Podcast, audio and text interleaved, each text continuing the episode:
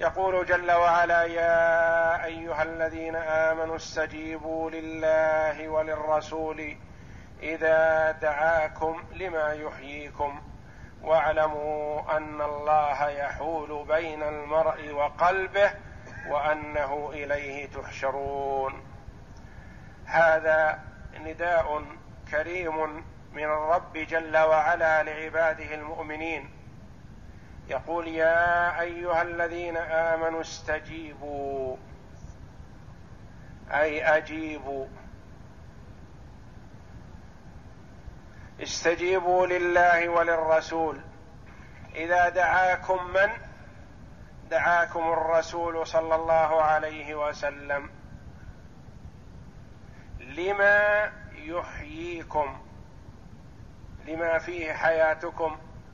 لما فيه سعادتكم لما فيه فلاحكم لأن الرسول صلى الله عليه وسلم يدعو بأمر الله جل وعلا ولا يدعو إلا لما فيه السعادة الدنيوية والأخروية.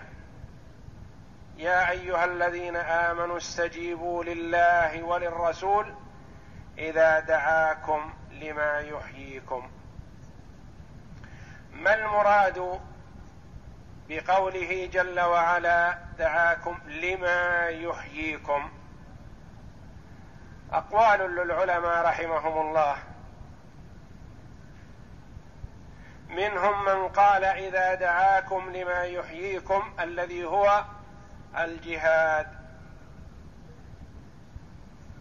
لأن فيه سعادة الدنيا.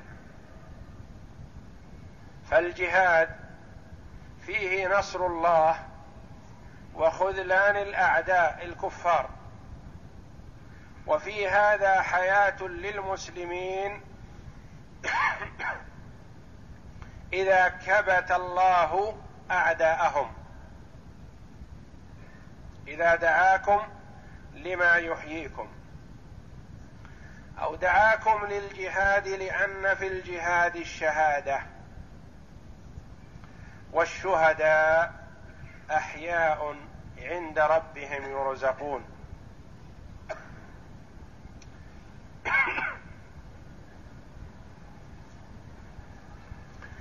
إذا دعاكم لما يحييكم دعاكم للإيمان القول الآخر. لأن في الإيمان حياة وفي الكفر موت. فالإيمان إذا خالط القلوب أحياها والكفر والضلالة موت لصاحبه. إذا دعاكم لما يحييكم دعاكم للقرآن والعمل به لأن في القران في العمل بالقرآن حياة الدنيا والآخرة. سعادة الدنيا وسعادة الآخرة. دعاكم لما يحييكم للعلم النافع. والعمل الصالح. دعاكم لما يحييكم لطاعة الله وطاعة رسوله والتزود بالأعمال الصالحة. وإذا حصلت استجابة العبد لله جل وعلا واستجابته لرسوله صلى الله عليه وسلم حصل له خير الدنيا والآخرة. استجيبوا لله وللرسول إذا دعاكم لما يحييكم. استدل بعض العلماء بهذا على أن ما أمر به الرسول صلى الله عليه وسلم واجب الاتباع. إذا دعاكم لما يحييكم. فإذا سمع المرء أمر رسول الله صلى الله عليه وسلم ودعوته إلى شيء وجب عليه أن يتبع.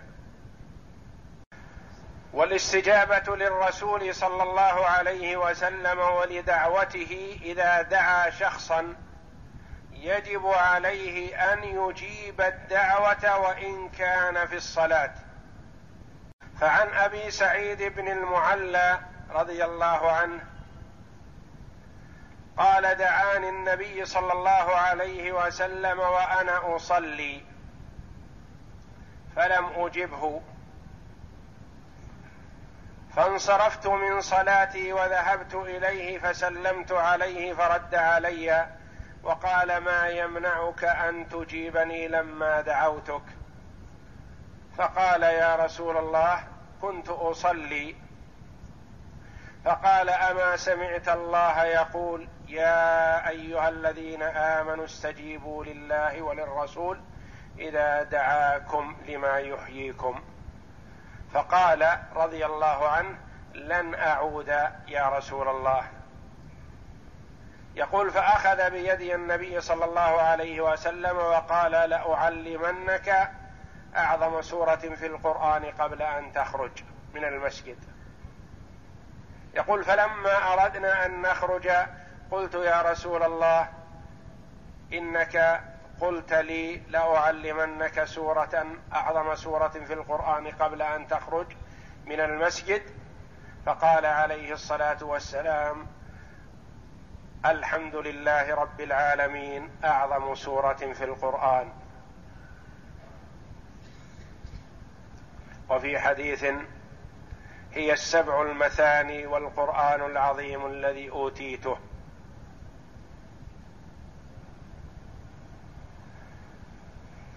وثبت في حديث آخر عن أبي بن كعب رضي الله عنه مثل ذلك. وعلمه النبي صلى الله عليه وسلم أن أعظم سورة في القرآن هي فاتحة الكتاب الحمد لله رب العالمين وقال عليه الصلاة والسلام ما نزل في التوراة ولا في الإنجيل ولا في الزبور مثلها. فأخذ من هذا أنه يجب على من دعاه الرسول صلى الله عليه وسلم أن يجيب وإن كان في صلاته. واعلموا أن الله يحول بين المرء وقلبه. اعلموا أن الله يحول بين المرء وقلبه. القلوب بيد الله جل وعلا. يصرفها ويوجهها كيفما شاء جل وعلا.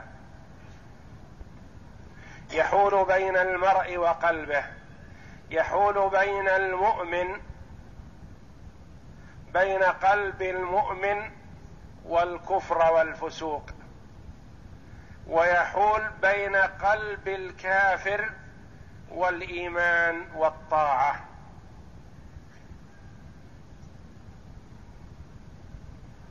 يحول بين المرء وقلبه يوجه قلبه ويصرفه كيفما شاء. يحول بين المرء وقلبه أي أنه قريب من قلب عبده.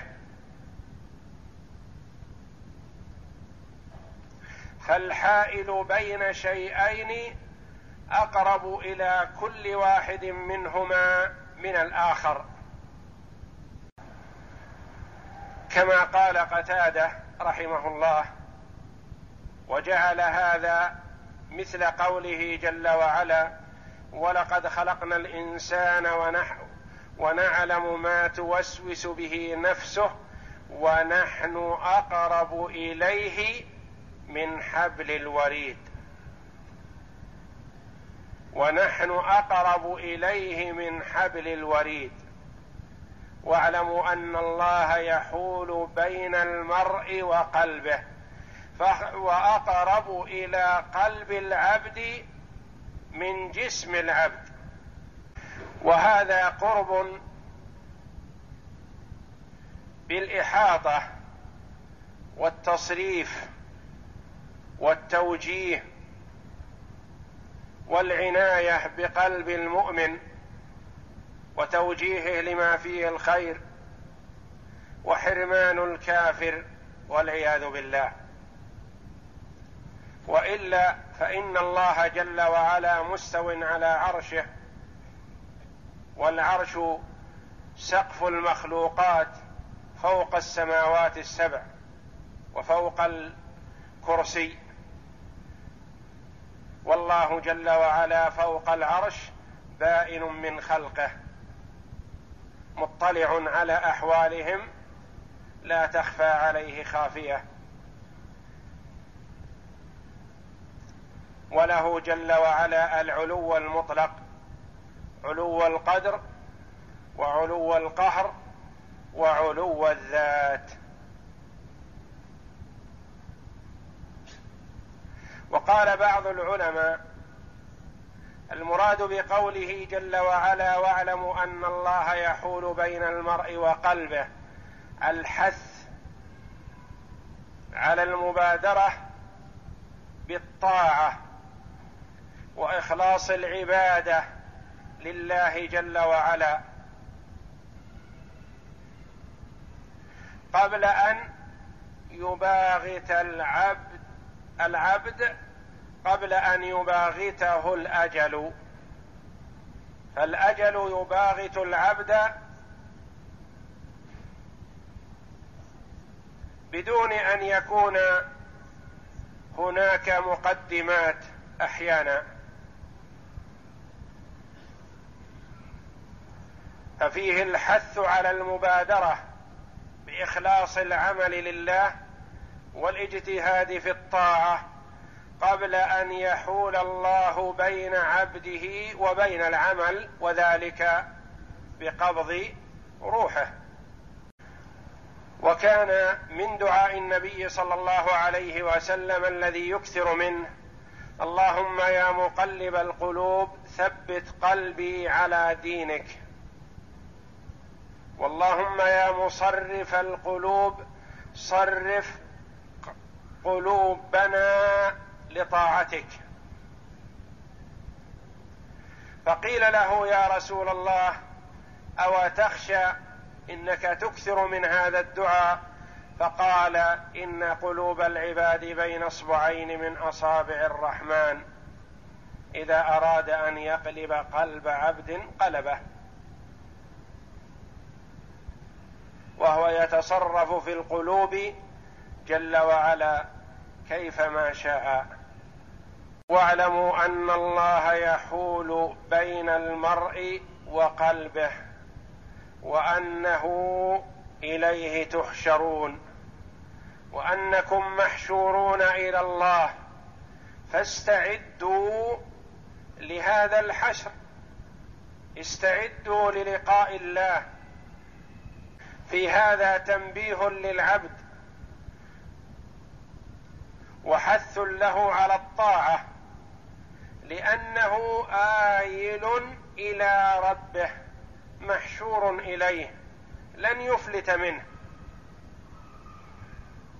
المرء في الدنيا قد يتمرد على غيره لأنه يريد الهروب منه ويعزم على الا يلتقي بمن هرب منه. وقد يستطيع ذلك. يبتعد عنه فلا يراه. لكن هل من الله هروب؟ هل يستطيع عبد أن يهرب عن ربه؟ هو محشور إليه وآيل إليه لا محالة. فإذا علم ذلك وأيقن به أكثر من فعل الطاعات. واجتنب المعاصي. واعلموا أنكم إليه أي إلى الله جل وعلا يوم القيامة. تحشرون يعني تجمعون وتؤولون إلى الله. لا مفر ولا مهرب ولا ملجأ. منه جل وعلا إلا إليه سبحانه وتعالى.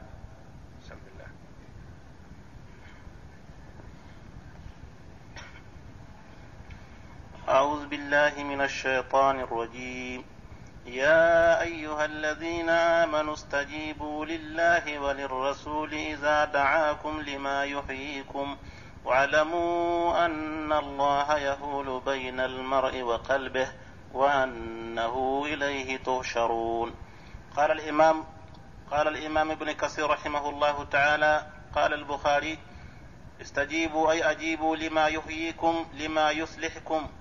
قال حدثني إسحاق قال حدثنا روح قال حدثنا شعبة عن خبيب بن عبد الرحمن قال سمعت حفص بن عاصم يحدث عن أبي سعيد بن معلى رضي الله عنه قال كنت أصلي فمر بالنبي صلى الله عليه وسلم فدعاني فلم آته حتى صليت ثم أتيته.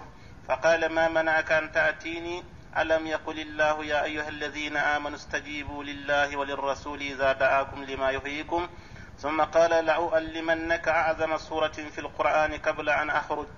فذهب رسول الله صلى الله عليه وسلم ليخرج فذكرت له فقال معاذ حدثنا شعبة عن خبيب بن عبد الرحمن أنه سمع حفص بن عاصم أنه سمع أبا سعيد رجلا من أصحاب النبي صلى الله عليه وسلم بهذا وقال الحمد لله رب العالمين هي السبع المثاني هذا لفظه بحروفه وقد تقدم الكلام على هذا الحديث بذكر طرقه في أول تفسير الفاتحة.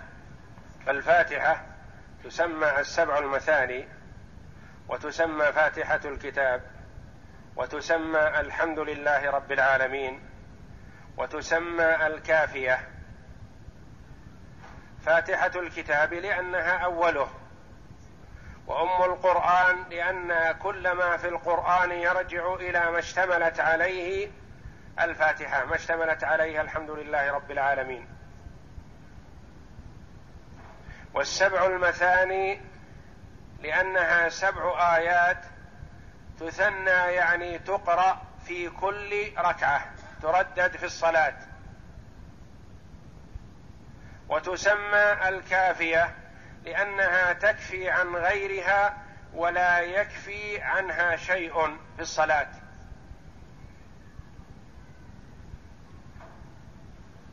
نعم.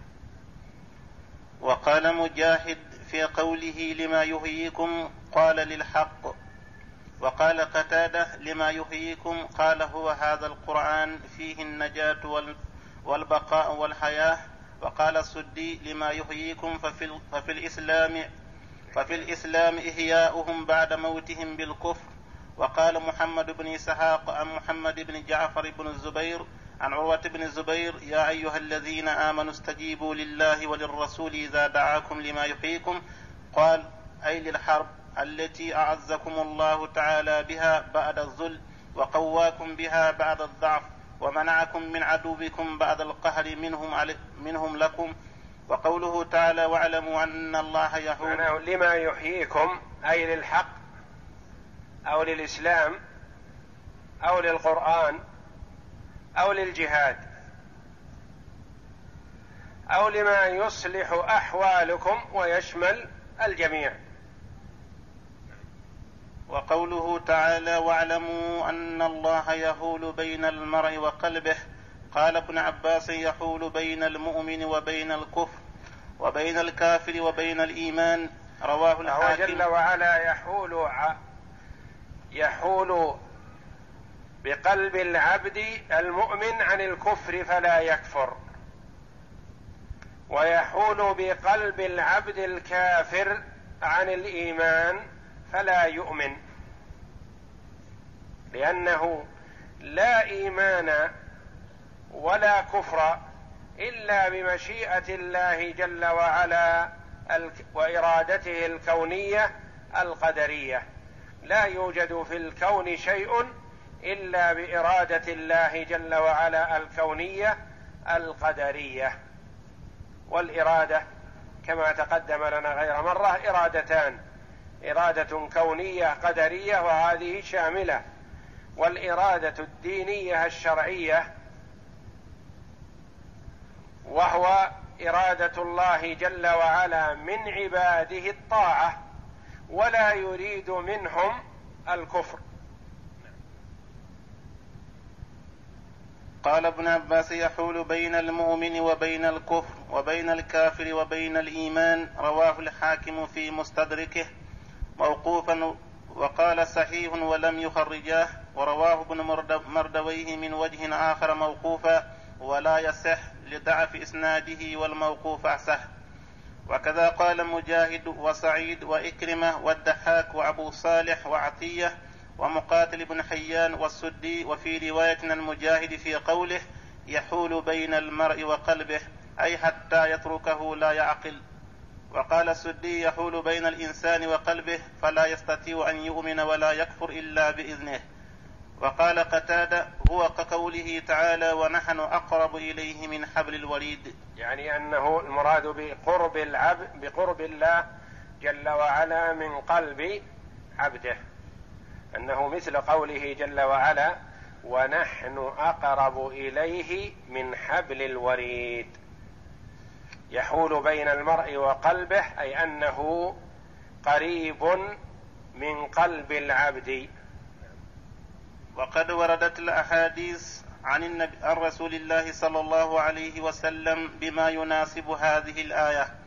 وقال الإمام أحمد حدثنا أبو معاوية عن الأعمش عن أبي سفيان عن أنس بن مالك رضي الله عنه قال كان النبي صلى الله عليه وسلم يكثر أن يقول يا مقلب القلوب ثبت قلبي على دينك. قال فقلنا يا رسول الله آمنا بك وبما جئت به فهل تخاف علينا؟ قال نعم. إن القلوب بين الإصبعين من اصابع الله تعالى يقلبها. وهكذا رواه الترمذي في كتاب القدر من جامعه عن هناد بن السري عن أبي معاوية محمد بن حازم الدرير. عن العامس واسمه سليمان بن مهران عن أبي سفيان واسمه تلحة بن نافع عن أنس ثم قال حسن.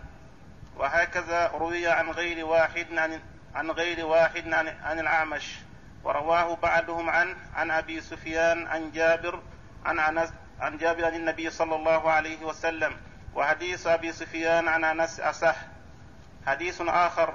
قال الإمام أحمد في مسنده حدثنا حدثنا عبد بن حميد قال حدثنا عبد الملك بن عمرو قال حدثنا شعبة عن الحكم عن عن ابن أبي ليلى عن بلال رضي الله عنه عن النبي صلى الله عليه وسلم كان يدعو يا مقلب القلوب ثبت قلبي على دينك هذا حديث جيد الإسناد إلا أن فيه انقطاعا وهو مع ذلك على شرط أهل السنن ولم يخرجوه. حديث آخر قال الإمام أحمد حدثنا الوليد بن مسلم قال سمعت سمعت ابن جابر يقول حدثني بشر بن عبيد الله الحضرمي أنه سمع أبا إدريس الخولاني يقول سمعت النواس بن سمعان الكلابي رضي الله عنه يقول سمعت النبي صلى الله عليه وسلم يقول يا من قلب ما من قلب إلا وهو بين أسبوع. ما من قلب نعم. ما من قلب إلا وهو بين أسبوعين من أصابع الرحمن رب العالمين إذا شاء أن يقيمه أقامه وإذا شاء أن يزيغه أزاغه. وكذا وكان يقول يا مقلب القلوب ثبت قلبي على دينك. قال والميزان بيد الرحمن يخفضه ويرفعه. وهكذا رواه النسائي وابن ماجه من حديث عبد الرحمن بن يزيد بن جابر. فذكر مثله حديث آخر قال الإمام أحمد حدثنا يونس قال حدثنا حماد بن زيد عن المعلى بن زياد عن الحسن أن عائشة رضي الله عنها قالت دعوات كان رسول الله صلى الله عليه وسلم يدعو بها يا مقلب القلوب ثبت قلبي على دينك. قالت فقلت يا رسول الله إنك تكثر أن تدعو بهذه الدعاء. فقال إن قلب العادمي إن قلب العاد إن قلب العادمي بين أصبعين من أصابع من حدثني شهر.